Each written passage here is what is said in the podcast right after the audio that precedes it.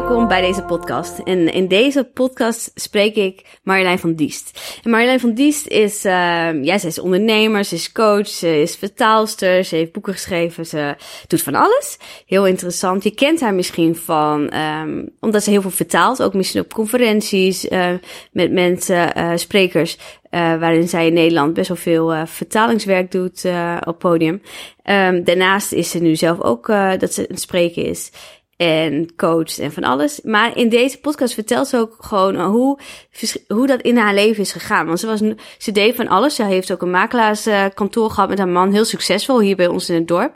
Maar ze vertelt ook hoe ze daar gewoon ingerold is. En niet per se dat het haar eigen droom was. En hoe ze eigenlijk ook is gaan ontdekken wat zij nou echt leuk vindt en hoe, wat God nou voor haar heeft en hoe ze daar mee om is gegaan. En ook gewoon uh, haar proces daarin. Dus het is heel leuk om, uh, om te luisteren. Dus uh, ik zou zeggen, geniet van deze aflevering.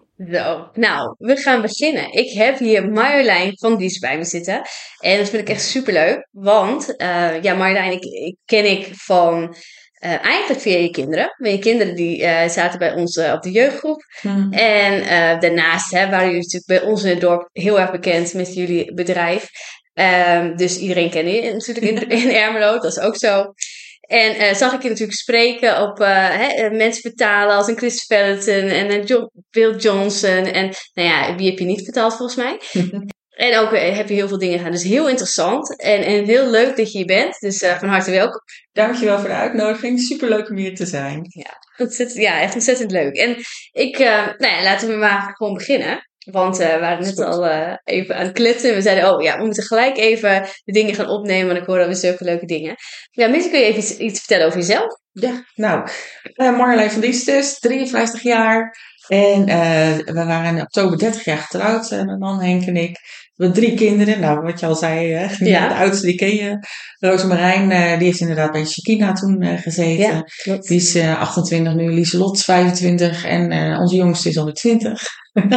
Jeetje. Dat wil ik dat zeggen, voor me nog oud worden. 20. Allemaal volwassen kinderen nu. Ja. ja. En we hebben een makelaarskantoor gehad. Eigenlijk is de afgelopen 30 jaar altijd wel iets met makelaardij aanwezig geweest. En we hebben net het kantoor verkocht. Dus we staan eigenlijk aan het begin van een hele nieuwe fase. Superleuk. Ja. Hey, en ik ben benieuwd, hè? Toen je jong was, wat wil je toen worden eigenlijk? Oh, dat is heel grappig. Ik weet dat ik vier kinderen wilde, dat is dus niet gelukt. Even daar weg dan. ik was mijn derde had ik echt zoiets de nurse en klaar. Oh, ik wilde psycholoog worden op een gegeven moment, maar uh, dat is ook wel interessant.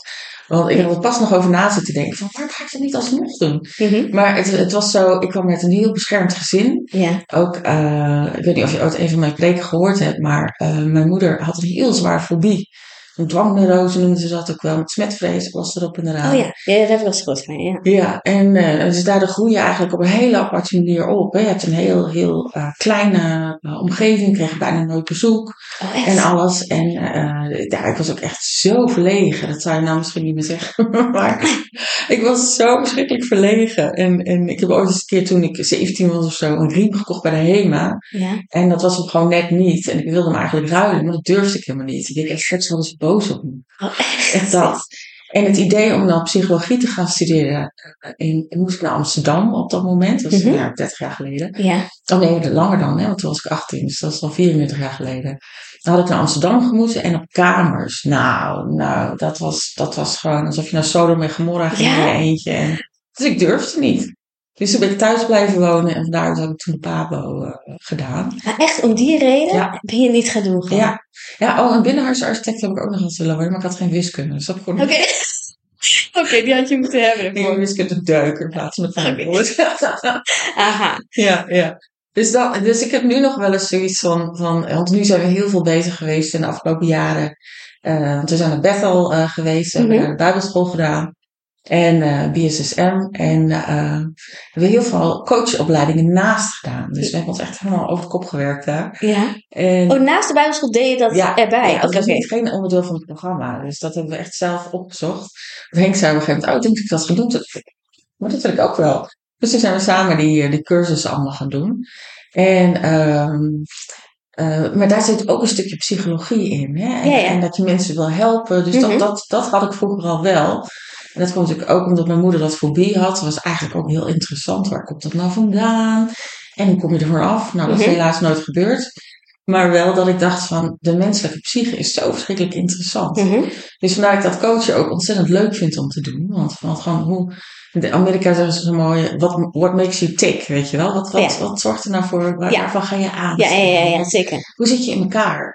Dus dat eh, ja, vind ik wel super interessant. Wie weet komt dat er nog van. Dus, dus, maar eigenlijk dit, eh, dit als kind al. En dat is eigenlijk je nu ook wel veel doet hè, bij mensen. Die Ja. komen op je af en dat had je natuurlijk in Amerika al. hey, maar je, je gaat dan de pabo doen. Maar daarna rooi je in één keer de makelaardij in. Ja. Dus Ja. hoe gaat dat? Hoe is dat gegaan? Nou er was dus geen, geen werk te vinden. Hè? Dat was, er waren geen banen. Het was echt niet normaal. Nu, nu is er gewoon zo'n tekort. Ik kan je me nog niet voorstellen. Maar was echt gewoon misschien ergens één of twee dagen in een kleuterklasje. En dat was dan tijdelijk. Dus sorry voor het zwangerschapsverlof. ja. Dat was het. En toen had ik zoiets, ja, wat ga ik dan doen? Toen ben ik een secretaresseopleiding gaan doen. Want er was meer dan genoeg vragen naar eh, secretaresses. En toen kwam er een vacature bij mijn schoonouders eh, kantoor. Want Henk werkt als makelaar bij zijn ouders op kantoor. Ja. En er was een secretaresse die wegging. En toen dacht ik, nou, dat kan ik ook wel. Waren jullie toen samen? Of Ja, heb je ja, toen leren... Oké. Nee, dat was na ons trouwen. Oh, oké. Ja, ja. En toen, eh, toen ben ik daar op kantoor begonnen. Dat is echt super spannend. Want ja, ik Mhm. heb nog nooit eerder ergens op een kantoor gewerkt. En dan voor je schoonouders ook nog. Ja, ja. En, dan, eh, en met je man. Mhm. dus al een grote familiekliek. Op, zo- op zondag op de koffie bij zijn ouders ging het ook altijd over de zaak. Oh ja, ja. Heel naar was van mijn schoonzusje die er niet in zat. Oh, Dus ja. dat, eh, ja, stakker. ja, dus zo is dat gekomen. En eh, toen op een gegeven moment, Henk's ouders waren nog vrij jong. Die hadden zoiets van, nou, we denken nog niet aan pensioen. Dus Henk had zoiets van, ja, maar ja, ik, wil- ik wil wat meer. Ik wil, ik wil het zelf ook wel eens proberen. Want straks, hè, dan, op een gegeven moment gaan ze wel met pensioen. Dan neem ik de zaak over. En dan, ben, dan stel je voor dat het niet goed gaat. Ja, dan ben ik altijd de erfgenaam die het verknald heeft. Mhm. Hè, of de opvolger. Dus, dan, eh, dus toen zijn wij in Harderwijk een eigen kantoor begonnen. En eh, wel onder de naam van Dies, maar het was echt ons kantoor, zeg maar. En eh, ik had het allereerste telefoontje dat ging. En ik goedemorgen, van Dies, van Dies regelmakelaars. Ja. En het was mijn moeder. allereerste telefoontje. Ze mam ophangen, ik ben echt helemaal te bellen. Nee, maar, maar is het dan dat, dat Henk dat graag wou en jij gaat er dan niet mee? Of eh, vond jij het dan ook heel leuk? Of hoe gaat het dan? Ging dat bij jou dan? Nou, dat was echt wel meer Henk's idee dan. Eh, want eh, het is heel grappig, want ik, ik zei ook al straks tegen je, mensen zagen altijd, oh Henk en Marjolein, de ondernemers. Maar voor mijn gevoel is Henk altijd een beetje meer de ondernemer geweest. En eh, hij komt echt uit een zakelijk nest. Nou, ik dus absoluut niet. Mijn moeder was Mhm. kleuterjuf en schrijfster. Mhm. En eh, dus later heb ik ook een van haar boeken afgemaakt toen ze, toen ze kwam te overlijden, bijna tien jaar geleden. Dus, dus die creatieve kant, dat, dat ben ik meer. Ja. En, en, en al dat soort zakelijke uitstapjes, dat is Henk meer. Dus toen had ik gezegd, ah oké, dat is goed, gaan we doen, gaan we doen. maar ik denk ook heel vaak heb ik gewoon niet geweten waar ik ja tegen zei. Dat is heel vaak zo in het leven. Dus je Mhm. zegt, oh ja, leuk, gaan we doen. En dat je denkt, ja maar jongens, we zaten avonden te werken, weet je. Was de werkdag voorbij, dan, dan bestelden we pizza. En dan eh, nou, heel even uitrusten, liggen achter de balie. En de kinderen gingen mee naar kantoor. En eh dus de box naast de balie. En dan gingen we door, want die taxatierapporten moesten uitgewerkt worden. En de huizen moesten op funda. En dan noem het maar op. We hebben echt heel veel gewerkt. Maar hoeveel werkt je dan in de week? Ja, ik durf niet eens een uur. En, eh, de- ik weet het niet. Gewoon met kleine kinderen. Ja, ja. Dus op een gegeven moment had ik wel zoiets van, joh, dat vind ik te veel. Ik trek dit gewoon niet. Mhm. Want ik heb ook na alle kinderen een postnatale depressie gehad. Oh, heftig. Ja, en bij Roosmaar had ik eerst niet door wat het was. Ik was gewoon, ja, die roze wolk, ik weet het allemaal niet hoor, maar Mhm. ik zie hem niet. Ja? En eh toen had Henk zoiets van, nou, volgens mij moet ik maar weer gaan werken. Want eh dit thuis zitten en huilen is ook niks. En ik dacht, ah, nee, oké. En dan ging je gewoon weer uitwerken. ik wist ook niet. Ik Ja. ik wist ook niet wat er aan de hand was. En, eh, eh, en toen bij Lieslot was het een stuk heftiger. En toen met Jasper was het echt, was het, nou, daar heb ik zo diep gezeten. Toen eh wat omzwervingen allemaal gemaakt. Toen wonen we inmiddels in Almere. En eh, toen heb ik wel bij zo'n busbaan gestaan met de kinderwagen. En helemaal, helemaal suf van pff, niet slapen. Jasper was Ja. een huilbaby. En eh, dus we hadden echt van die mega gebroken nachten. En dat ik dan stond en ik denk, oh, dan komt die bus. Oh, als ik nou één stapje vooruit zet, dan moet ik helemaal niks meer. Dus ik, oh, dat, oh, dat gaat niet goed. Ja. Dat gaat niet goed. Dus toen ben ik naar de huisarts gegaan, medicijnen gekregen en een hele rattenplan. Maar dat hielp allemaal niks. het hebben dan, weet je, het loopt echt zo'n beetje als een zombie rond met van die, van die uh, uh, antidepressiva en zo. Mhm. Ik heb het geprobeerd, voor mij werkt het niet. Voor sommige mensen werkt het wel, maar voor mij niet. Dus die heb ik toen afgebouwd. En uiteindelijk is het wel weer langzaam overgegaan. Maar dat was echt niet, eh, nee. Wat heftig. Dus maar op Ja. dat moment deed Henk dan in zijn eentje het bedrijf runnen? Ja, in die tijd was het alweer, oh, het, het loopt echt door elkaar heen. Maar we hebben op een gegeven moment, eh, we hadden dus die twee bedrijven. Eh, er kwamen ook een paar hypotheekkantoren bij, dus even terug in de tijd. En eh Lieslot was inmiddels geworden, was 97. En toen hadden we het gevoel van, joh, er moet toch meer zijn dan dit. Ik had het gevoel dat God wat anders heeft. En toen kwam Henk op een dag thuis en die zei, joh, ik heb het gevoel dat God wat anders voor ons heeft. Ik denk, nou, dat heb ik ook. Ja. En eh, toen hebben we de hele boel verkocht. Eh, even de lange, de, even de lange, het verhaal in de notendop. Ja. En toen hebben we het aan Mees verkocht. Dat eerst was het Kamerbeek, dat het later Mees. En toen, toen zei Henk, ik ga een sabbatical bedingen. En dan, eh, dat we gewoon een jaartje Ja. ertussen uitgaan. En daar hadden ze nog nooit van gehoord, van een sabbatical, sabbatical, Ja. wat, wat is dat? En toen hadden we het gevoel dat, eh, dat het leuk zou zijn met bijbelschool samen te doen. Want Henk had jongen vrij gedaan vroeger, de, de oorspronkelijke bijbelschool. Ja. En ik ook een beeld jou. En eh, die zei, nou, het is toch leuk om samen te doen. Samen een bijbelschool. En toen kwamen we uiteindelijk ook weer omwegen in, eh, uit in, eh, in Yakima in de staat Washington in Amerika. Ja. Zo van, nou, dat is nou leuk. Dus toen zijn we met onze kindertjes het huis verkocht, alle spullen opgeslagen, eh, de auto verkocht en Ja, dat, klinkt natuurlijk heel simpel, maar Ja. dat is natuurlijk helemaal niet zo simpel. Hè? Hoe gaat het dan? simpel. Want je hebt jonge kinderen, je gaat. Wat, wat, wat kreeg je allemaal over je heen, denk ik dan? Hè? Wat zeggen mensen dan tegen je? Nou, het was echt wel van, oh, wat ga je daar doen dan? En, en wat denk je daar dan te leren? En onze familie vond het natuurlijk vreselijk. Zo van, oh, echt helemaal naar Amerika. En dan zien we de kinderen niet, we zien jullie niet. Want nu kan je facetimen. Ja, ja. je Nee, nee, dat was natuurlijk niet. Nee. Nee, dat was er allemaal niet. Dus je moest daar een huis in te regelen. Dan moest je spullen komen om dat in te richten. Want een leeg huis. Dus had echt best wel wat voet in de aarde.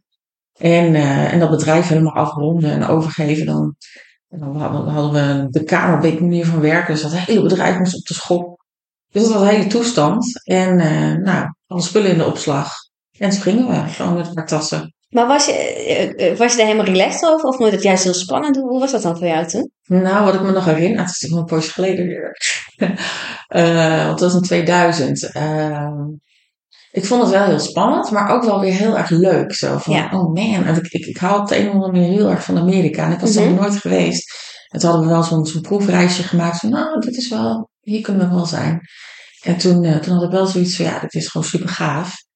En we hebben daar ook echt super mooie dingen geleerd. Echt, echt over gewoon hoe je naar de Bijbel kijkt. eh, het Hebreeuwse denken in plaats van het Griekse Mhm. denken. Weet je, dat je verschillende meningen kunt hebben. Ja. En zelf gaan nadenken. Als je een preek hoort, dat je denkt, oh, het zal wel waar zijn. Dat je denkt, nou, dan ga ik eens even opzoeken of ik dat, of ik dat terug kan vinden. Ja. En, dus dat heeft ons echt heel erg gevoor- gevormd. En ook over, weet je wel, we het over hadden, over eindtijd, over verbonden, Mhm. over, noem het maar op. Dus we hebben superveel geleerd daar.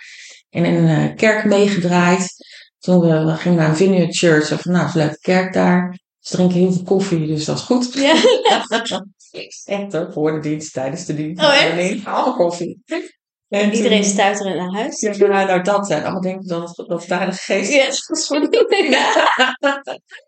En toen, eh, toen, toen eh, waren we daar een poosje. En we deden dan die bijbelschool. En toen was die voorganger. Die dacht, nou, dat is een leuk stel. Die zei, hey, als jullie ook een soort stage of zo bij ons willen doen. Mhm. En dan hebben we op dinsdagochtend hebben we altijd staafmeeting. Dus je bent hartelijk welkom.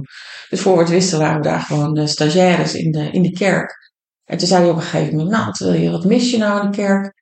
En we, nou ja, ik vind, vind het wel fijn als de worship wat langer zou zijn. Het is Mhm. heel kort, een beetje seeker-friendly. Iedereen moet zich thuis voelen, vooral niet te lange worship. En eh, wat, wat dieper onderwijs. En nou, ga het maar opzetten. Je hebt een lijstje met namen van mensen die het ook wel willen. En ga het maar opzetten. Ja, en die dienst die, die, die draait nog steeds uh, vandaag de dag in, in de kerk. Maar, hoe, maar we, jullie werden dan al samen gevraagd? Of jij alleen? Of? Ja, nou en Henk deed vaak dan wel het meest. Want het was wel een beetje, beetje de ouderwetse setting van hè, de man is, mm -hmm. is een beetje de prediker. En ik weet dat ik wel een paar keer wat gedeeld en gesproken heb. En dat ik dacht, dat is eigenlijk best wel leuk. Mm -hmm. Dat ligt me wel. Ja. En, uh, maar ik had toch altijd meer het gevoel, ja, maar Henk spreekt. En ik, ik, ik, kom, ik ben de vrouw van Henk, weet ja. je wel. en dus eigenlijk met heel veel dingen zo. Ook dat met de Dat ik altijd een beetje de vrouw van Henk was. Dus dat is eigenlijk wel een heel grappig gegeven. Want het, in sommige opzichten begint het nu een beetje om te draaien. Mm -hmm. En, uh, maar goed, we hadden het over... We zijn naar Amerika geweest, toen kwamen we terug. Toen zijn we in Almere gaan wonen. En uh, toen werkte Henk weer voor, voor dat bedrijf waar we de boel aan verkocht hadden. Ja. En hij kreeg een burn-out. Ik had een postmentale depressie. Dus we hebben het echt soms nachts uitgeroepen naar God. Van hier, dit kan toch niet. Mm -hmm. Zo kunnen we toch niet leven? Wat, wat is de oplossing? En op een gegeven moment zijn we toen... Uh, Henk stopte bij dat bedrijf. Ik had het part-time werk voor de klas gedaan. Want er hadden Ja. tekort aan invallers. Uh, dus ik ben naar invalwerk gaan doen. Een dacht ik ook, dit is het ook niet. En Joey voor de zoveelste keer riep, juffrouw, Giovanni, ik ben naar de wc. En je denkt, nee, ook niet helemaal mijn ding. En toen, uh, toen zijn we teruggegaan naar uh, Ermelo. Ja. En toen zei Henk, wat zou je ervan vinden als we weer opnieuw op makelaarskantoor zouden beginnen? Want mijn burn-out coach zegt, je moet iets doen waar je goed in bent, wat je leuk vindt. Ja, toen heb ik eerst heel hard gehuild. ik had zoiets, gaan we niet nog een keer doen? Zei nee, dat wordt heel anders. Mhm. Het gaat minder hard werken. En uiteindelijk heb ik toch maar ja gezegd. En zo zijn we het bedrijf dus weer begonnen. Ja. En uh, in het, het, gebouw waar we dus nu zitten, toevallig waar deze podcast wordt opgenomen, Ja, ja, hebben we ja. een klein kantoortje gehuurd. En een grote advertentie met, we zijn er weer. En uh, nou, in het begin was dat wel lekker relaxed. Maar voor ja, op de een of andere manier... Henk is ook gewoon een supergoeie makelaar. Dat, dat ging Mhm. gewoon weer lopen. En ik had wel zoiets op première, maar ik blijf geen binnendienst doen hoor. Want dan komt onder mijn neus uit. De hele dag achter zo'n computer. Ik word helemaal gek. Mhm. Dus op een gegeven moment ben ik ook de makelaarsopleiding gaan doen. Maar meer omdat, en eigenlijk had ik op dat moment ook kunnen zeggen, joh, ik ga het anders doen. Ja. Ik zoek gewoon iemand in mijn plaats. Maar ergens was dat nog een stapje te ver of zo. Dat, dat, Maar omdat je het eigenlijk ook gewoon heel interessant en leuk vond, wil je erin wel verdiepen? Of? het was ook meer handig. Uh, want ik vind op zich mensen vind ik leuk, hu- huizen vind ik leuk. Alleen, dat is net als voor de klas staan. Ik vind lesgeven leuk, maar alles eromheen is verschrikkelijk. Ja, de vergaderingen en de, en de Ja, paascommissie en de Pinkster, nou die hadden we niet. De paascommissie Ja. en de Sinterklaascommissie en de kerstcommissie en de groepjes en de clubjes en weet ik wat allemaal niet. Vreselijk. En dat vond ik dus ook van de makelaardij. Dat, weet je, dat op een gegeven moment bezichtigingen doen vond ik hartstikke leuk. En uh, de onderhandelingen, dat, dat heb ik mezelf geleerd. En, uh, en het was handig om het samen te doen. Dat was het eigenlijk meer. Mhm. Maar niet dat het mijn passie was. Iemand Nee. zei dat ooit tegen mij. Leuk dat je zo je passie... En toen dacht ik, zoiets mijn passie? Het is helemaal niet mijn passie. Het is volgens mij het Henk's passie. Oh, maar, maar, maar dat is wel interessant. Want jij no- noemde al een paar, keer van, oké, eh, dit, dit hing. En eigenlijk ging je gewoon iedere keer ermee. En Mm. dit is ook als iemand zo de vraag stelt, hey, dit is je passie? Nee, ja, eigenlijk, eigenlijk niet. Nee, nee. Maar wanneer kom je er dan achter van, hé, hey, maar eh, wat, wat wil ik dan eigenlijk? Of is er zo- zo'n moment gekomen? Of als je nu kijkt en zegt, hé, hey, ehm, Henk was on- de ondernemer, maar goed, volgens mij zijn jullie allebei ondernemers. Of, of zie, je dat, zie je dat niet? Nee, is wel zo, maar Henk is wel meer degene die, uh, die nog s'nachts kan nadenken over, je moet die computers vervangen of, uh, weet je wel, dat soort, dat soort, Ja. wat ik oninteressante dingen vind aan de hele onderneming.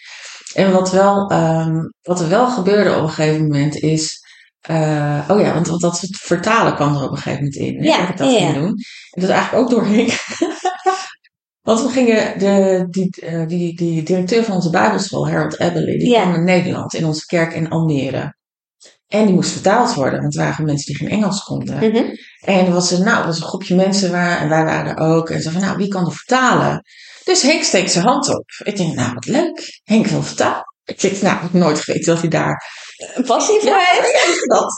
En uh, hij zegt, ja, uh, dat kan Marjolein wel. En ik had echt zo, "Zie? Ah, wat? wat? Ik had helemaal niks overlegd ook. Gewoon, oh, dat is leuk, dat kan Marjolein wel. Nou, ik kon me van het plafond afkrabben. Ik denk, dat kan ik toch helemaal niet. Ik heb gedaan. Maar ja, dat was ook niet mijn handen. Dus ik denk, nou ja, doe dan maar. En, en die Harold keek me ook een beetje aan van, gaat dit goed? Gaat dit goed? Wil je het wel?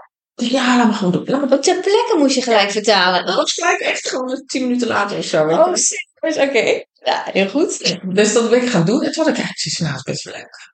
Ja. Best wel leuk. Dus toen, toen is dat toch een beetje zo ingeslopen. Met uiteindelijk, weet je, dat ik... eh eh, in onze kerk toen, eh, toen kwam Chris kwam, die ben ik gaan vertalen. Ja. David Wagner, die profeet. Ja, ja, ja. Heel veel vertaald.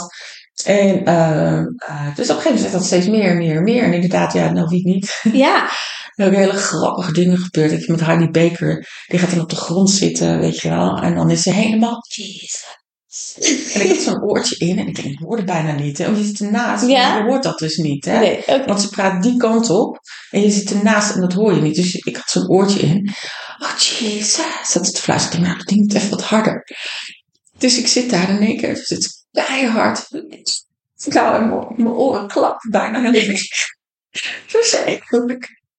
Dus dat soort dingen. Of dat, dat Bill Johnson op een gegeven moment zegt- van... Nou, geef degene naast je een hand. En hij steekt zo zijn hand uit. En ik vertaal dat. En ik pak zijn hand. En ik zie hem zo even kijken naar zijn hand en mijn hand. En kijkt weer voor zich. Ik denk, oh nee. Hij bedoelde helemaal niet dat ik zijn hand zou pakken.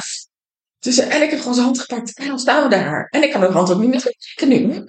Anders, nou, toch. Maar dat soort praten. Maar het grappige was toen ook dat Henk op een gegeven moment zei... Ja, maar ik was altijd, als hij ging spreken... Mhm. En dan was, oh, ben jij de vrouw van Henk, weet je wel? Ja. En dan, oh, dat is de vrouw van Henk. En dan denk ik, nee, Marlijn. Ja, Maar goed, de vrouw van Henk. heel irritant. Lijkt me Heel irritant, ja, heel irritant. zeg. En, maar toen ging ik dus vertalen. En toen was het op een gegeven moment, oh, wie ben jij? Ja, ik ben de man van de vertaalster. Ja, want nu is het op. Want nu is het eigenlijk... En Henk is de man van. Als we op conferentie jij spreekt. Ja, inderdaad. ik moest zo lachen. Maar het is ook wel heel mooi. En toen, op het moment voor mij, dat ik op een gegeven moment dacht, ja, maar dit wil ik heel graag. Mhm.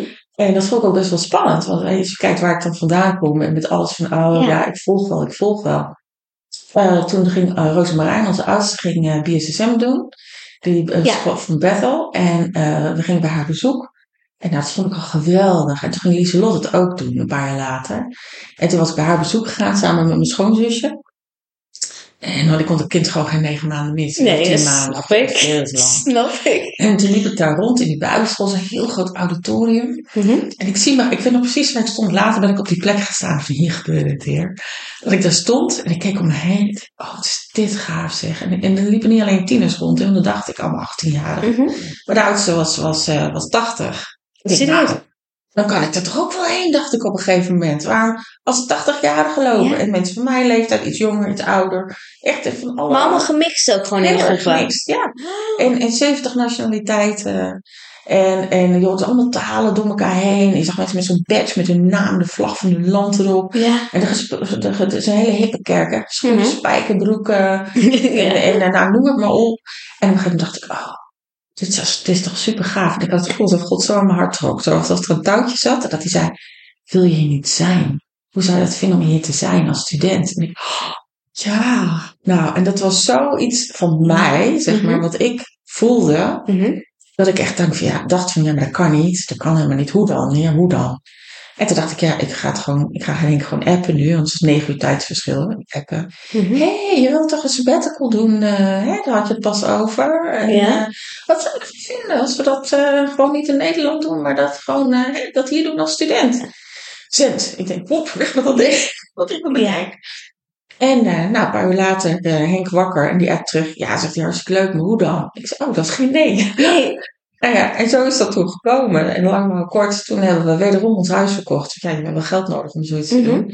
Je hebt daar een huis gehuurd via iemand die we kennen daar. Dus joh, wil jij eens even gaan kijken? Want er is een open huis. Dus zijn met die telefoon zo er doorheen. Kijk, dit is de woonkamer. En dit- Mhm. Zo hebben we dat huis gehuurd.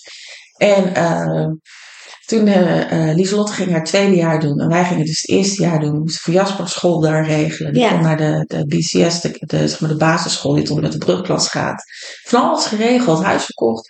Iemand in de zaak aangenomen om ons in, te vervangen. Mhm. Nou, noem het maar op. En eh, in augustus zaten we daar gewoon. En toen had ik wel even zoiets van, Maar wat, wat, was, gedaan. was dat voor de eerste dat jij met iets kwam en dat jullie dat gingen doen?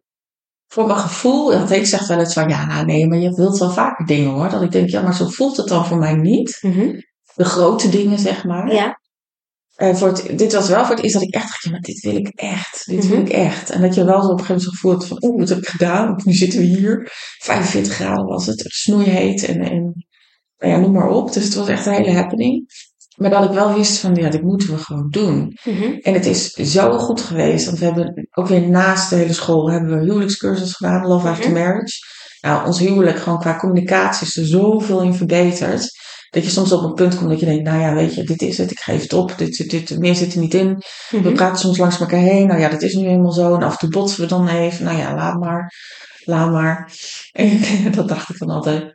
En daar op een hele andere manier leren communiceren, hoe je conflicten uitwerkt, door echt naar elkaar te luisteren. En nou, daar, daar is echt, Wat, wat heeft daarin de grootste impact gehad voor jullie? eh, ik denk vooral voor mij, Mhm. dat ik altijd het gevoel had, ik kom niet, ik kan niet om, uh, Henk is zo goed in, in, in communicatie Mhm. of argumenteren, door het recht gestudeerd, hè. Mhm, Ja, ja.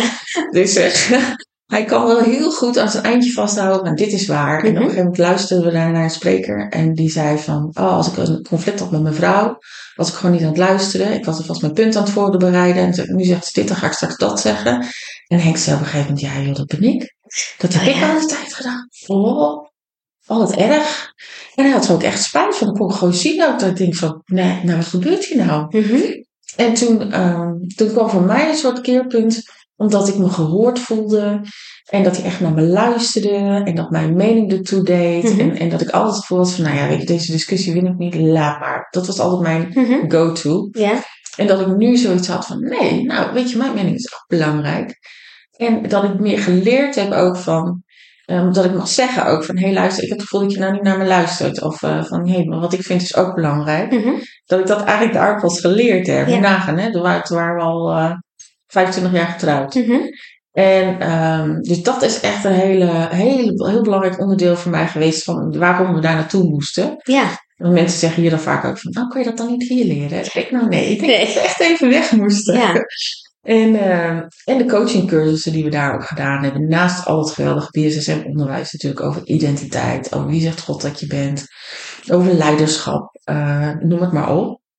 Maar die coachingcursussen die zijn echt zo cruciaal geweest dat ik echt denk van ja joh, weet je, maar daar wil ik gewoon mensen mee helpen. En Mhm. ik heb het aan mijn studenten daar in mijn derde jaar heb ik stage gelopen, in het eerste jaar terug. Ja. En eh waar de studenten binnenkomen, soms helemaal verwilderd van wie ben ik dan? En, en Mhm. ik weet allemaal niet wat er gebeurt. En dat je denkt, oh wacht maar, over tien maanden loop je op dat podium Ja. om een diploma in ontvangst te nemen. En dan ben je gewoon een heel ander persoon geworden. Ja. En dat door de coaching heen, dat... En het mooie daarvan is dat we geleerd hebben om mensen te connecten met de stem van God. Mhm. Dat God tegen ze gaat zeggen wat hij vindt, eh, door hem dus vragen te stellen. Hè? Want Mhm. heel vaak zegt, nou we gaan bidden. En dan, nou, dan kan er wat komen, misschien profetisch of niet. Ja. Maar gewoon gericht God vragen gaan stellen. Als iemand gewoon worstelt met zijn. Ik, had een, ik zal een voorbeeld geven. Ik had een Chinese studenten, een Aziatische studenten. En die was helemaal van: Oh, ik wil zo graag dat mijn hart op Jezus hart lijkt. En dus van: Oh, maar gaat het ooit gebeuren? Want oh, ik ben nog zo ver daar vandaan. En ik dacht. Meisje, meisje. En ik wist ondertussen haar hele geschiedenis van haar man die overspel had gepleegd. Mhm. En wat ze allemaal gedaan had, hoe ze zichzelf had opgeofferd, weggecijferd, noem het maar op. En ik Mhm. denk, als ik ergens een hart zie dat op Jezus hart lijkt, dan is dat voor jou wel. Maar dat kan ik tegen haar zeggen. Mhm. En dan zegt ze, oh bedankt, Ja. lief van je. Mhm. En dan zit het hier in je hoofd. En dan, Ja. oh lief, ze zei iets heel liefs. Ja. Dus ik had zoiets, jij hebt een, een woord van God nodig. Je hebt een, een rema, een levend woord van God Mhm. nodig. Zei, weet je wat, we gaan Gods vragen, een paar vragen stellen. Vind je dat goed? En toen leg ik het altijd even uit, zo van, ja weet je, er zijn een paar van die randvoorwaarden. God is een goede God, dus hij gaat mooie dingen tegen jou zeggen. Mhm. En eh, eh, dus als het klinkt als, als Jezus, iets wat hij gezegd zou kunnen hebben, het is liefdevol, het is opbouwend, Mhm. mag je ervan uitgaan dat, dat het God is die je hoort. En, en hij spreekt ook in je verbeelding. Hij wil je plaatjes laten zien. Hij wil je fantasie activeren. Weet je, dat, Ja. dat plekje, als je denkt aan een roze olifant, daar. Dat, Mhm. dat is waar God jou dingen wil laten zien. Dus nou, zo steek ik dat dan in. Ik zeg, nou, dan gaan we God een vraag stellen. En, en meestal is hij ook heel snel, dus vertel me even wat je ziet of hoort. En uh, je zei van, oké, gaan we Jezus vragen. Heer Jezus, uh, ik wil zo graag dat mijn hart op uw hart lijkt. Hoe ziet u mijn hart? Dus dat vroeg zij hardop. En even ze, oh, ik zei, wat zie je? Oh, ik zie, ik zie zo'n theepotje dat we altijd hebben als mensen uh, op bezoek komen. En hij zegt dat, het, dat mijn hart is als dat theepotje. En, en als we dat dan inschenken, dan is er gastvrijheid en liefde. En oh, hij zegt dat mijn hart net zoiets is als de thee. En ik had zoiets van, nou, voor mij zou dat helemaal niet gewerkt hebben. Nee. Als hij had gezegd, je bent als koffie, dan zou ik zeggen, oh heer, dank u. maar thee, maar verhaal was het Ja. dus heel tekenisvol. Ja. En er kwamen nog van allerlei dingetjes omheen. En we vroegen nog wat door. En ze deed de ogen weer open en, en ze straalde. En dan denk je, ja. Weet je, en het mooie is, als je op die manier coacht, komen mensen ook niet bij jou terug. Mhm. Want ze hebben jou helemaal niet nodig. Op een gegeven moment leren ze zelf om pot zo vragen te stellen. En nou, en dat, dat is voor mij een eye-opener. Ik denk, nou, dat is geweldig. Dat is een manier om te coachen. En dat hebben we daar dus ook geleerd. En ging je dat, ging je dat dan eerst ook bij jezelf doen? Ja, want in die cursus moet je dat dus ook gaan oefenen. Hè? Maar, oh ja, dus, dus ja, eerst ben jij dat natuurlijk zelf gaan doen. En is dat dan, dat is voor jou, denk, hè, als ik het zo hoor, is dat voor jou echt een beetje de verandering geweest dat jij, ehm, nou ja, gewoon zelf ook eh, dingen, verlangens kreeg om dingen te Ja. doen. En zelf eh, ging. En, eh, want op een gegeven moment zei je ook van, eh, ehm, dat je eigenlijk altijd maar meeging met wat de ander wou. En, ehm, en op een gegeven moment had je dus denk ik wel, zo, hè, is het dan tijdens de bijbelschooljaar dat je dacht, eh, want eh, Henk komt dan op een gegeven moment, die, hij vraagt dan hè, vergeving, hey, ik doe het zo. Dus het geeft jou in één keer meer ruimte. Ja. Daarnaast heb je natuurlijk die, die, die coachingscursus wat je zelf doet. Mm. In één keer ben je denk dan zelf gaan bedenken, hé, maar dit, hier zijn mijn verlangers, of dit wil ik. Hè, is dat Ja. daar dan echt anders geworden? Ja, zeker. Want daarna. ehm, en het mooie is ook, Henk geeft hem echt alle ruimte. Hè? Dat wil ik echt zeggen. Hij is daar zo. Hij heeft het ook altijd gedaan. Hij is ook altijd in die 30 jaar mij, eh, weet je wel, uitgedaagd. En oh, ga dit Mhm. eens proberen. Ga dat eens proberen. Doe eens zus. En weet je, altijd zo van. Ja, eh, en niet zo van, joh, ik ben de baas en je volgt me maar. Nee. Dat was meer vanuit mij dat het zo mhm. ging. En eh, hij was ook altijd als hij ging spreken, weet je wel. Dan was het zo van, nou, ben je er klaar voor? Als we daar zaten, weet Ja. je wel, vlak voordat het einde van de zang is. Mhm. Ben- waar ben ik klaar voor? Jij gaat toch spreken? Ja, zeg maar jij gaat vijf minuten even een leuk intro doen. Even vertellen hoe het met ons gaat en zo. En eh, ik zei, hij, dat ga jij zo doen. Ik, Ja. dat denk ik van. En zo deed hij dat dan. Maar hij wist ook gewoon, als ik het van tevoren vraag, dan doet het niet. En als ik Oh, het ja. van blok zet, dan doe je het wel. En dan, nou ja, en uiteindelijk was dat gewoon hartstikke leuk. Dat ik denk, oh, nou ja, nou weet je, dat kan ik eigenlijk ook wel. En zo ben ik het spreken ook ingerold. Mhm. Dat ik uiteindelijk ook zelf ging spreken. En dus hij is altijd heel erg bemoedigend daarin geweest. Ehm, eh, dus, dus, eh, maar dit was inderdaad wel iets dat ik dacht, ja, maar dit, dit, dit staat los van de hele makelaardij. Dit kan ik zelf, weet je Mhm. wel. Dit, dit, hier heb ik ook niemand bij nodig. En dit is toch fantastisch om te doen. Dit doe ik veel liever dan huizen verkopen. Mhm. Maar toen we dus terugkwamen eh na Bethel, we moesten dus eerder terug door corona. En toen was het natuurlijk één groot chaos. Ja. En het bedrijf was natuurlijk ook van, ja, hoe gaan we dat door de corona? ja, maar je had personeel wat gewoon Ja. het de, het bedrijf draaiende houden. Klopt, ja. En er waren een paar mensen weggegaan. Ja, de een kon een, een, haar droombaan krijgen. En de ander Mhm. weer bij een oud bedrijf teruggevraagd.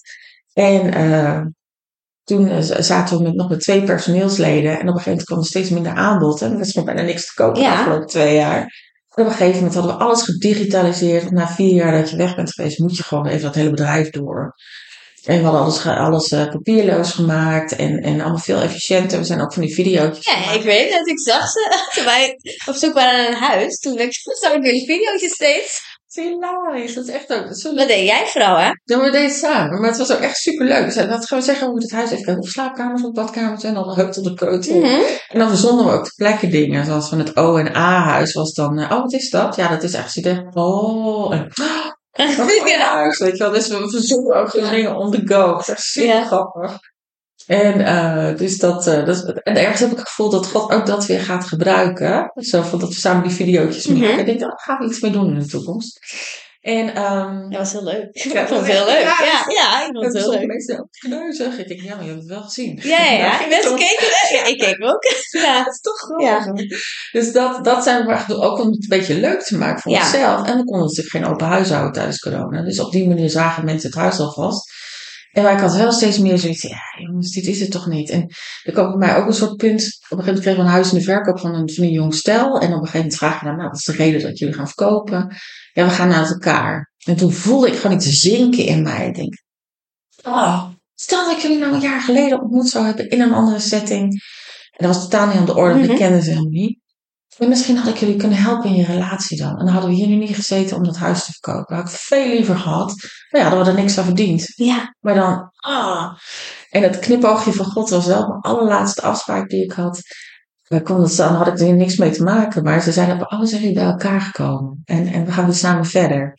Oh, en ik dacht oh hier, wat vind ik dat mooi. Dat vind ik echt een, een soort cadeautje Ja. bijna zo van, weet je, dingen komen nog goed, weet je wel. Mhm. Dus dat, eh, maar goed. Toen had ik wel zoiets van, ik, ik, ja, ik, och, ik wil dit gewoon niet meer. Ik wil mensen helpen. Je, je helpt ze wel door een huis te verkopen. Ja, zeker. Maar ik ga veel liever met een hemelse huis aan de slag. Mhm. met hun stenen huizen.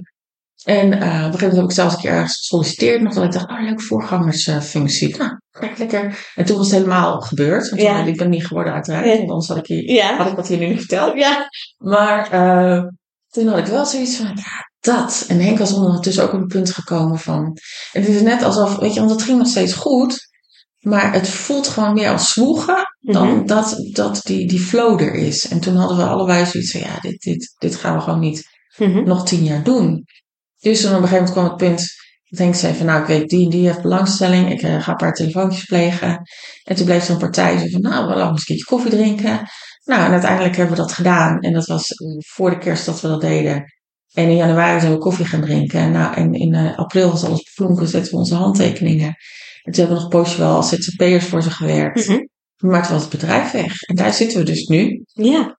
Van, wow, wat is er gebeurd? Ja. 30 jaar zijn voorbij eigenlijk gevlogen. Mhm. Er is zoveel gebeurd. Waar staan we nu? En ehm, ik vertelde je straks al even, we hebben met een vriend van ons, die, die coacht ook bedrijven en, en ondernemers. En die stelde ons op een gegeven moment een mooie vraag. Maar wat wil je nou in het leven nu? Wil je regeren Mhm. of reageren? Ja. En ja, dan weet je natuurlijk eigenlijk het antwoord, het gewenste antwoord is natuurlijk, ik wil regeren. Mhm. Maar hij zat me zo aan te kijken en ik zag dan tussen regeren, reageren. Oh, reageren. want Dat, en dan van die pingpongballetjes Ja, in mijn hoofd, hè. Mhm. Ting, ting, ting, ting. En van, oh, dat heb ik eigenlijk altijd gedaan. Reageren. Want ik ging daarmee, zo mee, ging. Ah, dat is dan mis mee dan. Dat is, dat is gewoon prima. Want het is ook niet eng. Want als je alleen gaat regeren, moet je zelf dingen doen. En dan kun je falen. En dan kun je helemaal onderuit gaan. Super spannend. Het is ook wel lekker toch, om te reageren. En ondertussen Mhm. ging dat me zo heen en weer in mijn hoofd. En moet Jezus eigenlijk niet regeren dan? Ja, en de Heer regeert, zingen we toch? Dus, dus nou, dat ging allemaal zo door me heen. En hij keek me nog steeds aan van, het Ja. antwoord nog. Ja. Ik ook nog een heel intelligent antwoord gaan verzinnen. En het enige wat ik eruit flap is van, oh, het is maar één letter verschil, hè? Reageren of regeren. En hij kijkt zo naar het bord. Ja, zegt hij. Dat is eigenlijk wel een hele goeie. En toen dacht ik later, zat ik met de Heer van, oh Heer, het is maar één letter verschil. Maar wat is die A dan? Hoe krijg ik die weg? Mhm. En dat ik echt het gevoel dat hij tegen me zei van, oh, maar die kunnen we samen uitgummen. Maar je moet wel eens weten wat het is. Ja. Ik zei, maar wat zijn mijn A's dan, heer? Van nou, een A van angst. Een A van afwijzing. Van, oh, wie zit er nou op mij te wachten? En eh, eh, de A van, ah, laat maar. Wat je zo vaak gezegd hebt. En ik dacht echt van, oh heer, dat is waar. Mhm. En dat gevoel dat je met zo'n heel groot gum, weet je wel. Zo van, laten we samen die A maar eens uit gaan gummen. Mhm. En, ehm, en ik voel nu ook gewoon dat er een, een tijd aan zit komen. En ik krijg, dat is heel grappig, ik krijg allemaal profetische woorden van, het is nu jouw tijd om te gaan shinen. Mhm. En het is nu echt, nu gaat het gebeuren. Ja. Zo helemaal van, ja, maar jij, jij ook, Henk, maar jij, dat Ja, ja. En, en ergens denk ik dan van, eh, van, oh ja, zal wel, weet je wel, het is een mooi woord, mooi Mhm. woord. Omdat ik echt het gevoel dat God ook tegen me zegt van, ja, maar wie wil je zijn? Dit is nu een scharnierpunt Mhm. in je leven, een soort tweede carrière, als je het zo Ja, wil noemen. mhm. Alleen ik zie het dan niet als carrière, maar. ehm, eh, want, want ik heb dus boek- een boek van mijn moeder afgeschreven. En nog een keer een- een- daarna zelf een boek geschreven. En natuurlijk schrijven vind ik gewoon leuk. Mhm. Dus dat gaat erin zitten. Maar het, het- het- ik weet dingen die ik kan en, en eh, gedaan heb al. Maar ik heb nu het gevoel dat God zegt, maar wie wil je zijn? Mhm. Want we zijn gewoon gewoon human beings en, en hè, menselijke wezens. Maar we, worden zo vaak human doings. Ja, ja, We kijken naar, wat doe je dan? Mhm. En wat, wat, wat wil je gaan doen? En wat voor beroep hoort daarbij? En, Nou ja, het is eigenlijk de eerste vraag wat mensen zeggen. Je stelt je voor en dan is het, eh, wat doe je? ja, ja, ja, ja, Precies. Ja. En eigenlijk zeg je dan, wie ben je dan? Eh, Ja. Wat stel je nou helemaal voor? Ja. ja. Ja, dus dat, eh, Maar goed, wie, wie wil je zijn? dat is een hele mooie vraag ook. Want ehm, eh, als ik daarnaar kijk, wil ik ook niet zozeer kijken van, oh, ik, ik wil gaan spreken. Maar dat, is een, dat moet voortvloeien uit iets wat ik wil zijn. Mhm. En ik wil graag, ik heb heel vaak in, in BSSM, heb ik Bethel ook te horen gekregen, oh, je bent zo'n moeder. En eerst Mhm. had ik zoiets van, echt, moeder. Ja. Dus dat is echt een revivalist of zo. Of, of eh, weet ik veel Ja, wat ja. een mooie term. Maar nee, ik was dan een moeder. En later dacht ik, eh, want ik heb natuurlijk voor mijn moeder was, was het heel lastig, omdat zij dat fobie had en zo. Op een gegeven moment ga je een beetje voor je moeder zorgen. Mhm. dus bij moeder had ik ook altijd een beetje zo'n een beetje, een beetje spannend woord of zo. Mhm. En dat je dan denkt, oeh, heb ik het zelf wel zo goed gedaan als moeder. Maar dat ik ook zag van, uh, maar wat is dan een moeder? Een moeder wil gewoon graag dat haar kinderen, dat het haar kinderen goed gaat. En Ja. dat ze verder groeien dan dat ze zelf ooit Mhm. gekomen is. Ja. En dat ze op haar schouders kunnen staan. En, en dat je ze aanmoedigt en, en leven in ze spreekt. En, en ik oh, maar dat kan ik wel. Dat kan ik wel. Ja. Als dat moeder zijn is, dat wil ik wel. Dus ik denk dat van daaruit en, en, en mijn wens om eh, mensen te helpen, eh, eh, dat ze weer op hun as komen te staan, dat ze uit, weet je wat, ze stak zijn, dat ze zeggen, nee, we, we gaan je hier uithelpen. Mhm. Gewoon door God vragen te stellen, hoe makkelijk kan het zijn. Mhm. Dat, maar dat komt dan voort uit mijn verlangen om iemand te zijn die wijsheid heeft en, en, en eh, soms de samenmoos. hè? Mhm. Ja, ja, van, eh, zeker. Wat zei je? Wijsheid. Ja. Maar wijsheid. En ook het idee dat God nu zegt van, nou, maar hoe wil je het inrichten? Ik zei straks al eventjes van, tevoren tegen jou, God gaf me zo'n beeld toen we die IKEA-kast aan het samenstellen waren in onze slaapkamer. Bij je zit je, zo'n computer. Nou, hoeveel meter heb je? Oh, er Ja, ja. passen zoveel delen in. Ideaal, die kast. deuren. Ja, leuk is dat, hè? En wil je de lades in? Wil je hang? Wil je leg? Dan moeten ze allemaal even groot. En dat God zei van, kijk, we trekken alles uit de kast, letterlijk. Gewoon, Mhm. De kast gaat nu helemaal leeg. En er is een stukje van, eh, van Henk en jou samen. Dat is een stukje voor Henk, een stukje voor jou. Wat wil je eigenlijk in je kast hebben? Wat vind je nou leuk? Wil je zo'n korf met van die bloemetjes erin? Of wil je een lade met glas? Of wil je alleen maar hang? Of wil je alleen maar leg? Hoe gaat dat eruit zien? Wat mag erin zitten? Wat is voor jullie samen? Wat is alleen voor Henk en wat is alleen voor jou? Dus eigenlijk zitten we daar nu. Mhm. Ik wou dat ik je al meer kon vertellen, maar eigenlijk zitten we precies nu op dat punt dat ik mag gaan ontdekken van en hoe gaat dat er nou uitzien? En hoe ga ik dat... eh, maar, want eigenlijk zeg je natuurlijk al van... Dat je eigenlijk wil gaan coachen. Tenminste, Ja. dat is toch hoor ik je zeggen, toch? Absoluut. En, en, eh, en Ja. datgene wat je daar geleerd hebt. En op die manier... hoe- Hè, om, om mensen Gods stem te leren verstaan. En op die manier... eh. Dus het is meer de vraag, denk ik... Wanneer? en Ja. Hoe ga je starten, Marlijn? Ja. Toch? Ja, precies. En dan moet een website komen. Ja, precies. Je kan niet zonder website tegenwoordig. Ja, ja, en je bent inmiddels echt zelf een ondernemer. Ja, Dus eh, ik zou zeggen, gewoon starten dan, hè? ja precies. Nee, maar eh, hey, als, je, als je nu terugkijkt hè, naar, naar, naar je afgelopen nou ja, 30 jaar of, of wat je hebt Mhm. meegemaakt, wat zou je nu anders doen? Als je Mhm. denkt, oh, als je jezelf nou eh, op, op 18-jarige leeftijd eh, een tip zou mogen geven, wat zou je dan zeggen? Oh, dat is een hele goeie. Ik denk dat ik tegen mezelf zou zeggen, lieve schat, ga in therapie. ja. Ja, echt. Ik heb dat een latere leeftijd wel gedaan toen ik met Mhm. de postnatale depressie zat. Ja. En ik heb nu ook een coach. Mhm. En ehm, eh, dat, het is zo goed om, om die zelfreflectie te hebben, maar ook Ja. om door dingen heen te werken. En nu heb ik Mhm. nog steeds wel dingen, denk ik, ah, dat zou ik ook wel weer voor een therapie kunnen. Want Mhm. weet je, je bent nooit af. Nee. En er komen soms weer dingen naar boven in verschillende levensfases. Eh, of dat je ander onderwijs wordt, dat je denkt, waar, waar, waar was je toen ik Ja. eh, 18 was? Mhm. Dus ik denk dat ik tegen mezelf zou zeggen van, ga in therapie, ga door dingen heen werken. Ja. En ehm, eh, zodat ik dan zou leren, dat ik geleerd zou hebben, om ook te kijken van, maar wat wil ik nou? En wat, wat vind ik nou belangrijk? Eh, eh, want ik heb me zo vaak gevoegd, maar van, oh, nou laten we het dan maar zo. Nee, dat is goed. Ja, nee, dat is een goed idee.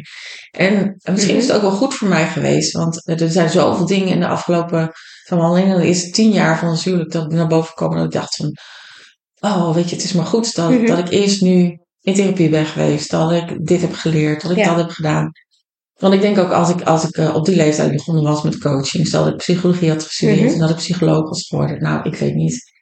Ik weet niet of dat wel goed zou zijn gegaan. Of ik dan nu een verschrikkelijke burn-out zou hebben gekregen. Mhm. En dat dat. eh, dus achteraf gezien ben ik ook wel blij dat de dingen gegaan zijn zoals ze gegaan zijn. Want voor toen was het goed. Mhm. Maar dat zou ik mijzelf echt wel gunnen van. Om eerder... eh, Ga lekker een therapie schat. En Ja. dan- dat, doe je, dat zou heel goed voor je Goed, ik denk ook dat dat tegenwoordig is dat veel normaler. En, en, en, en helemaal in de christelijke wereld. Dat was eigenlijk echt een beetje not done here, hè? Want Klopt. je gaat gewoon bidden voor dingen en dingen Ja. moeten dan weg zijn. Ja, Kijk, als je je been breekt, dan ga je wel gewoon naar de dokter om te fixen. Maar als je andere dingen in je leven hebt meegemaakt, ja, nee, dan ga je natuurlijk niet naar een psycholoog, want dan hè, vertrouw je niet op God. En dat is gelukkig wel echt anders aan het worden, hè? Dat daar gewoon veel meer ruimte voor is en dat God dat gebruikt, dat mensen dat zien en dat je daar, eh, ja. ik denk dat het zo goed is. En dat je het, het het scheelt je zoveel tijd. Hè? Iemand zei ook, als je bijvoorbeeld een, een coach neemt, ook, ook business-wise of wat dan ook, het scheelt je gewoon tien jaar vaak. En, en, en waarom dat niet doen? Hè? Dus, dus in die zin, uh, er doorheen gaan, het scheelt je uiteindelijk zoveel uh, in, in stappen die je kunt zetten natuurlijk. Absoluut, ja. En je hebt ook wel het gevoel, ja, mijn probleem is heel uniek, weet je wel, daar kan niemand wat mee. Maar eigenlijk zijn we allemaal niet zo uniek. We hebben vaak last van dezelfde patronen en dezelfde rare denkbeelden of wat dan ook. Ja. En dat, dat scheelt ook wel. Want als je denkt, oh, ga, ga maar niet, want straks heb ik iets heel ergs of zo, weet je wel. Mhm.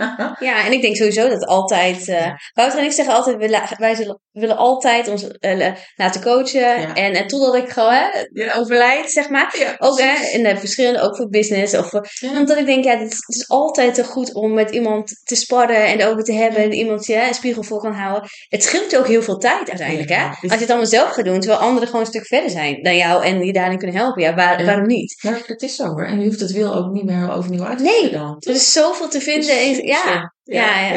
ja. Superleuk. Hey, en um, wat, wat zijn nog... Wat zijn uh, nog evenementen die de meest, naast je man en God, de meeste impact hebben gehad in jouw leven, in jouw proces? Oh, goede vraag.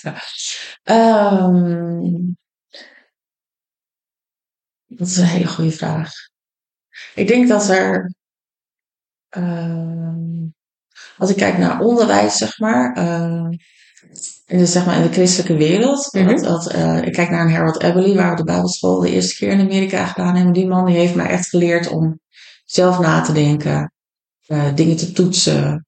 Eigenlijk wat, wat ik denk dat ze tegenwoordig dat ook een beetje dat, dat deconstruction, weet je wel. Mhm. Alles, alles afbellen tot er niks meer overblijft. Mm En dan weer gaan opbouwen. Ik heb op zo'n moment gezeten, nou, ik weet echt helemaal niks meer, weet je wel. Als dit niet in de Bijbel staat, wat? Dit staat ook niet in de Bijbel.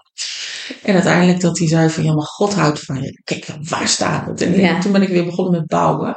En dat heeft me zoveel gegeven, zo'n soort stabiliteit ook. Uh, uh, dat ik denk van, ja, weet je, dat, daar zal ik die man eeuwig dankbaar voor blijven. En ook zijn hele eindtijdonderwijs zal ik hem voor eeuwig dankbaar voor blijven. Want daar, daar is gewoon zo'n wereld voor open gegaan. Hij heeft me toen ook gestimuleerd om te zeggen, nou ga gewoon spreken. Hij wilde me toen al wat. Mhm. Ik kan zo een paar kerken bellen voor je hoor. Dat is scary. Ja. En uh, dus die heeft heel veel invloed in mijn leven gehad. Uh, het onderwijs van, van Bethel ook, uh, Chris Valentin en Bill mm -hmm. Johnson. Nou, echt als ik je hoofd af ontploft, dat je denkt van hou even op. Mm -hmm. waar ik ook heel veel geleerd heb, is een van de Bijbelleraren bij BSSM, Rich Smith heeft een hele onderzoek gedaan ook naar de rol van de vrouw. Mhm. En uh, hoe het bedoeld is van de man hoofd van gezin. Of mhm. waar, waar, staat het hoofd? Ja, vanuit de bron hè? Ja, ja. Man, als je dat denkt, oeh, dat kleine woordje oh, verschil maakt zoveel uit. Echt hoor. Het is echt maar zo mooi dat je denkt, dit voelde ik altijd al wel. Ja. Maar ik, ik, ik, ik, ik had geen bewijs. En nu is er gewoon, zijn er boeken over geschreven. Echt, echt prachtig. Ja. Dat je echt denkt, nou dat heeft mij zoveel ook een beetje zelfvertrouwen gegeven. Zo van, oh, maar ik mag naast Henk gaan staan. Ik mag mhm. gewoon uh, uh, een eigen mening hebben. En soms moet ik dat gewoon even horen. Weet je wel, dat mijn mening ook belangrijk is. Want ik kan ook nog wel eens wegzakken. Ook gewoon, weet je wel, uit mijn achtergrond. Zo'n zo, zo van, uh, oh ja, nou wie zit er nou op mij te wachten? Mm Weet je wel, dat. Mhm. en, en dat ik ook af en toe gewoon weet van nee, maar heel veel vrouwen dat hebben trouwens. Ja, oh, Het is niet speciaal aan jou. Ja, het is echt een heel veel. Mijn coach, heel groot, leuk. Misschien dat ze in de luistert van ja, dankjewel. zij zegt ook, zij heeft haar, uh, haar verstand heeft, uh, haar hersenen heeft uh, Truus genoemd. Ja. Dus oh, daar gaat Truus weer hoor. Truus zegt weer allemaal lelijke dingen. Ze zegt nooit wat leuks. Het is altijd maar van, oh, waarom zeg je dat nou weer? Kan je niet iets beters verzinnen? Je moet er echt iets meegeven nu. Weet je, dat je moet echt, nou, weet je, dat, dat, dat. Zo'n truus heb ik ook in mijn hoofd. Dat je altijd maar denkt van, nou, weet je, wie zit er nou op mij te wachten? En, en uh, oh, Larissa heeft me uitgenodigd voor een podcast. Oh, ik luister zelf niet eens naar podcast. Ik weet helemaal niet hoe dat gaat. Waar is mijn nou? nou? weet je, allemaal dat. Mhm. En inderdaad, heel veel vrouwen hebben dat. Ja. En, uh, maar ik denk dat we als vrouwen ook nodig hebben om te weten wat onze positie is. Hoe God mm bedoeld heeft. En dat we niet alleen maar onder man van, maar moeten doen wat hij zegt. Zo is het niet bedoeld. Nee, maar dat, dat maakt zo'n wereld van verschil. Want ook al wil je het al, dat allebei heel goed. En, en, en, uh, maar voor mij heeft dat ene woordje zo'n verschil gemaakt. Want ik had op mijn uh, bijbelschooltijd heb ik aan het einde uh, van mijn bijbelschooljaar heb ik dan um, uh, mijn eindscriptie gedaan over uh, de vrouw in de koninkrijk van God. Maar eigenlijk was de reden, omdat iedere keer werd uh, over me geprofiteerd dat ik zou spreken. En ik zei, nee, ik ga echt niet spreken. Vind ik niks voor, vind ik niks voor, en niks voor mij. En dat, ik wou ook niet bidden voor genezen. Van allerlei dingen wou ik allemaal niet. Wat ik dus uiteindelijk wel allemaal ging doen. Maar, um, dus ik dacht, weet je, ik doe mijn eindscriptie over de vrouw in de koninkrijk van God. Want dan kan ik het allemaal gewoon laten zien dat het, hè, die, die tekst van Paulus en zo. Nou ja, dan kan ik dat bewijzen. Goed, aan het eind van het jaar moest ik natuurlijk um, een presentatie geven over, me, over mijn eigen scriptie. Waarin ik dus moest vertellen dat vrouwen wel degelijk mochten, mochten spreken. Alleen dat ene, die tekst. Want ik, ik had een, eh, echt een theologisch boek ook helemaal doorgeworsteld. Nou, en um, Um, daar werden al die, die, die uh, teksten ook heel goed in beschreven, ook vanuit de grondtekst. Nou, allemaal. Ja. Alleen, dus uh, niet uh, dat de man de hoofd van het gezin was. Dat, dat, bleef, dat bleef staan ergens. Mm Dus in mijn hoofd bleef dat ook altijd. Dus in die zin, hè, Wout was altijd voor dat ik hè, dingen ging doen en ging spreken. En toch, doordat dat in mijn hoofd zat, en dat ik ja. thuis zag ik dat ook, hè, met, met mijn ouders. Ja, Die hadden een, een afkikcentrum. En wij wonen daar. Mijn vader die leidde dat. Mijn moeder die, die werkte wel mee. Maar mijn vader was echt de, de leidinggevende. En, uh, en die was altijd degene die ook dingen besliste wel. En, hè, dus dat kwam, heb ik van huis uit ook gezien. Ja. Dus ik dacht ook altijd van ja, uh, als ik dingen doe, ja, ik moet altijd wel even Wouter vragen. Ja, of wat hij ervan vindt. Of, niet dat hij dat bij mij deed over bepaalde zakelijke dingen. Maar ik deed het wel. Ik moest toestemming hebben. Het sloeg nergens op. en toen en ik dacht, want altijd zat dat stemmetje in mijn hoofd. Totdat ik natuurlijk ging lezen van, oh ja, dat staat er dus helemaal niet. Er staat vanuit de bron. Dus hè, net zoals dat, als is, dat, dat Jezus uh, de, uh, de, bron van zijn gemeente is. Hè? Dat, dat is natuurlijk een heel verschil. Of dan, dan, ja, dat was voor mij wel echt een eye-opener. Maar zo'n klein iets kan dus zo'n impact hebben. Is zo hoor. Terwijl, terwijl dus als je kijkt ook in het Nieuwe Testament, dat er heel veel vrouwelijke uh, leiders waren. Hè? Zeker. En dat er zelfs in, in de Bijbel, en volgens mij was het met Juno, dat het eigenlijk Juna moest zijn. Ja, klopt. Maar dat er gewoon in de vertaling, dus dat ze zeggen, nou, maak er maar Juno van. Dan denk ik, nou ja, wat maakt er maar Juno van? Ja. Dat is zo ja, ja, ja, zeker. Niet normaal. Dus dat, ja, we zijn eigenlijk is de vrouw zo lang uh, een beetje in het verdomhoekje gedrukt. Mm -hmm. Zo van, ga jij nou maar daar, doe maar niet te veel. Want ik denk ook dat als mannen en vrouwen naast elkaar, dus Henk en ik spreken ook samen. Dan moeten twee op het podium, hè. En dan, mm -hmm. dan, dan, wisselen we elkaar een beetje ja. af. Maar dat dat zo'n uh, beeld ook geeft van uh, hoe God man en vrouw naast elkaar bedoeld heeft. Ja. Niet dat, dat hij spreekt en ik doe mee, of ik spreek en hij, maar niet gewoon samen. Ja. En ik denk dat dat heel mooi is dat we dat eerst had ik zoiets ja, gaat het wel werken, joh? Mm -hmm. Want er is zo stel, uh, Steve Wendy Backlund, uh, als je dat onderwijs nog niet kent, is echt fantastisch. Hij heeft het gewoon over hoop. Hoe is het? Steve en Wendy Backlund. Okay. Ja. En hij, uh, hij is uh, Igniting Hope Ministries, dus het -hmm. leven van de hoop, het vuur, de hoop aansteken. Maar haar onderwijs is ook echt sterk. Hij is een beetje de enthousiasteling en zij is meer van de Heilige Geest. Mm -hmm. Als hij iets zegt, dan mensen, geweldig. En als zij het zegt, zitten mensen van, wauw. Oh, ja. ja, ja. een hele mooie combi. Mm -hmm. En dan waren mensen, ik krijg zo vaak profetische woorden van, ja, maar jullie zullen zijn als een Steven en Wendy, jullie gaan ook samen spreken. Wel apart, maar ook mm -hmm. samen. En dat, ik heb ze echt een keer gevraagd naar zo'n zo'n um, zo'n cursus die ze deden. Ik zei, hoe doen jullie dat dan? Ja. Ik zei, als, we houden allebei heel erg verpraat. Mm -hmm. En hoe zorg je nou dan dat je elkaar niet in de reden valt? Ik heb ook wel Maar sta je dan echt samen op? Ja. Want wij spreken, ja. hebben ook al vaak gesproken. Of als we zendingsreis deden. Uh, nee, dan deden we ook wel sessies los. Maar we hebben ook wel eens uh, samen gesproken. Ook wel eens in de evangelie gemeente. Maar dat deden we wel een hij, Wouter een gedeelte en ik een gedeelte. Ja. Maar niet samen op podium. Ja, niet samen op podium. En dan uh, hij vijf minuten, ik vijf minuten. Oh, ja, het is echt super grappig. En dan spreken we alleen een beetje de overgangetjes af, weet je wel. Dat ja. je weet van, oh, nu ben je klaar. Nou kan ik mijn dingetje, een onderdeeltje. En, en natuurlijk verandert er wel eens wat waar je bezig bent. Maar ook... Uh, en dat zij ook zei van, oh, ik weet eigenlijk van tevoren niet precies wat we gaan zeggen. En ik denk, ja, dat gaat voor mij niet werken. Nee, dat wordt het niet nee. worden. Dus het is even zoeken geweest. We hebben daar zo'n modus in gevonden. En dat is echt hartstikke leuk. Dat, uh, en mensen hebben echt zoiets van, nou, wat, wat leuk eigenlijk. Eh, staat het op YouTube of zo? Uh, ja, ik denk dat het wel terug te vinden is dan. We hebben een keertje in Amsterdam gesproken, in Nieuwegein. En uh, dan, uh, dat kun je wel terugvinden. En als okay. even in onze naam... Nou mensen, dan Henke Marlijn Henke Marlijn van Diest. even naar YouTube. Ik heb dat nog niet gezien. Dus uh, google ja. maar even. En dan kun je even kijken hoe ze dat samen doen. Nee, superleuk. Ja. maar dat, dat zijn dus inderdaad wel uh, voor jou de dingen geweest. Uh, maar dat is vooral met spreken. Zijn er ook mensen persoonlijk die, jou, waarvan je zegt, oh ja, maar die uh, hebben echt, daar heb ik dit van geleerd.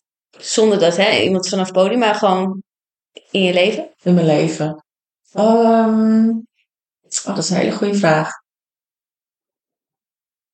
Ja, er zijn gewoon zoveel mensen dat, dat je denkt van, van het zijn soms kleine stukjes mm ook. Hè? Dat je denkt, van, oh, van die Nou, je hebt seizoenen en zo. En dan, ja, ja, en dan, dan is het ook, ook net weer... Uh, ik denk dat ik heel veel geleerd heb ook van, van um, de mannen waar we die cursus van gehad hebben, die Tony Stoltzvoes. Mm -hmm. En uh, want dat, daar trek je dan wat meer mee op. Hè? Het ja. een kleine setting. En uh, op een gegeven moment later hebben we ook samen geluncht, koffie gedronken met, met z'n vieren. En um, wat, ik, wat ik aan hem zag ook, wat het mooie is dat dat, dat verstand, hij is, hij is een wiskundige, dus hij is echt super intelligent. Dus hij is uh, een intellectueel, maar hij is ook emotioneel. Een hoog EQ, maar ook een hoog IQ. Weet je wel? En dat samen. En dat je dan ziet uh, dat, uh, dat, dat, dat het er ook mag zijn. Weet je? Dat ja. het, geloof is niet alleen maar zweverig. Nee. Maar dat je ook gewoon je verstand mag gebruiken. En, en nou, ik vond het zo mooi dat je die man, een hele serieuze man, en, en hij coacht iemand, zit die man met tranen in zijn ogen. Hè? Ja. En ik denk van nou, en dat, dat raakt mij dan zo erg, dat ik denk van ja, met dat. Ik, ik zou gewoon werk willen doen waar ik zo door geraakt word, dat het geen werk meer is, maar dat het een voorrecht is. Mm-hmm. Dat. Dus daar heb ik wel heel veel van geleerd. En um, ja. Nou, mooi, leuk. hey, um, we gaan afronden. We zijn al uh, weer heel lang uh, aan het kletsen. Echt super gezellig. Heel leuk. Hey, um, nou, ontzettend bedankt dat je, uh, dat je hier in deze aflevering wil zijn. En uh, superleuk om gewoon om jouw verhaal En ook gewoon dat je lekker eerlijk bent en gewoon dingen met ons deelt. En, uh, en ook gewoon heel gaaf ja, hoe dat proces ook bij gaat. En ik ben ook heel benieuwd natuurlijk wat je nu allemaal gaat doen. Ja, ik ook. Dus, zodra je het weet, en, ja. dan laat het weten. Dan kan ik misschien nog in mijn intro, hè, of mijn outro vertellen wat je allemaal doet en waar ze je kunnen vinden. Sowieso, hè. Mensen kunnen je vinden waarschijnlijk op Facebook. Ja, ja, Dus hè, op het moment dat je coachingsvertrek open gaat, dan komt het daar vast op te staan. Ja, zijn er andere dingen waar mensen je kunnen volgen? Uh, Instagram uh, ben ik ook te vinden. En nou, we zijn al nadenken over websites. Dus die website die komt. Maar dan, als ze gewoon googelen, dan kunnen ze me ook wel vinden, denk ik. Ja. Maar sowieso via Facebook Messenger, dan ben ik altijd wat te bereiken. Yes, oké. Okay. Ja. Nou, dankjewel. Nou, en heel, heel leuk dat je er was. Nou, graag gedaan. Nou, bedankt voor het luisteren naar deze podcast. En uh, wat denk ik leuk is om te vermelden, is dat Marjolein inderdaad haar website online heeft. Dus uh, die, je kunt haar vinden via marjolijnvandies.nl, waarin, ze de, waarin je kunt zien dat je haar kan in uw voor vertalen, maar ook uh, om te spreken. Coaching doet ze, dus kijk even op haar site zou ik zeggen. Daarnaast kun je ook even een kijkje nemen op mijn eigen site, larissavandehaar.nl. Um, ehm, stel je vindt het leuk om um, nou, misschien zit jij wel in een periode dat je denkt, hey, wat wil ik nou? Ik, wil, ik ben toe aan een volgende fase. Dan uh, help ik je daar graag in. Kijk rustig op mijn website wat ik daarin voor je kan doen.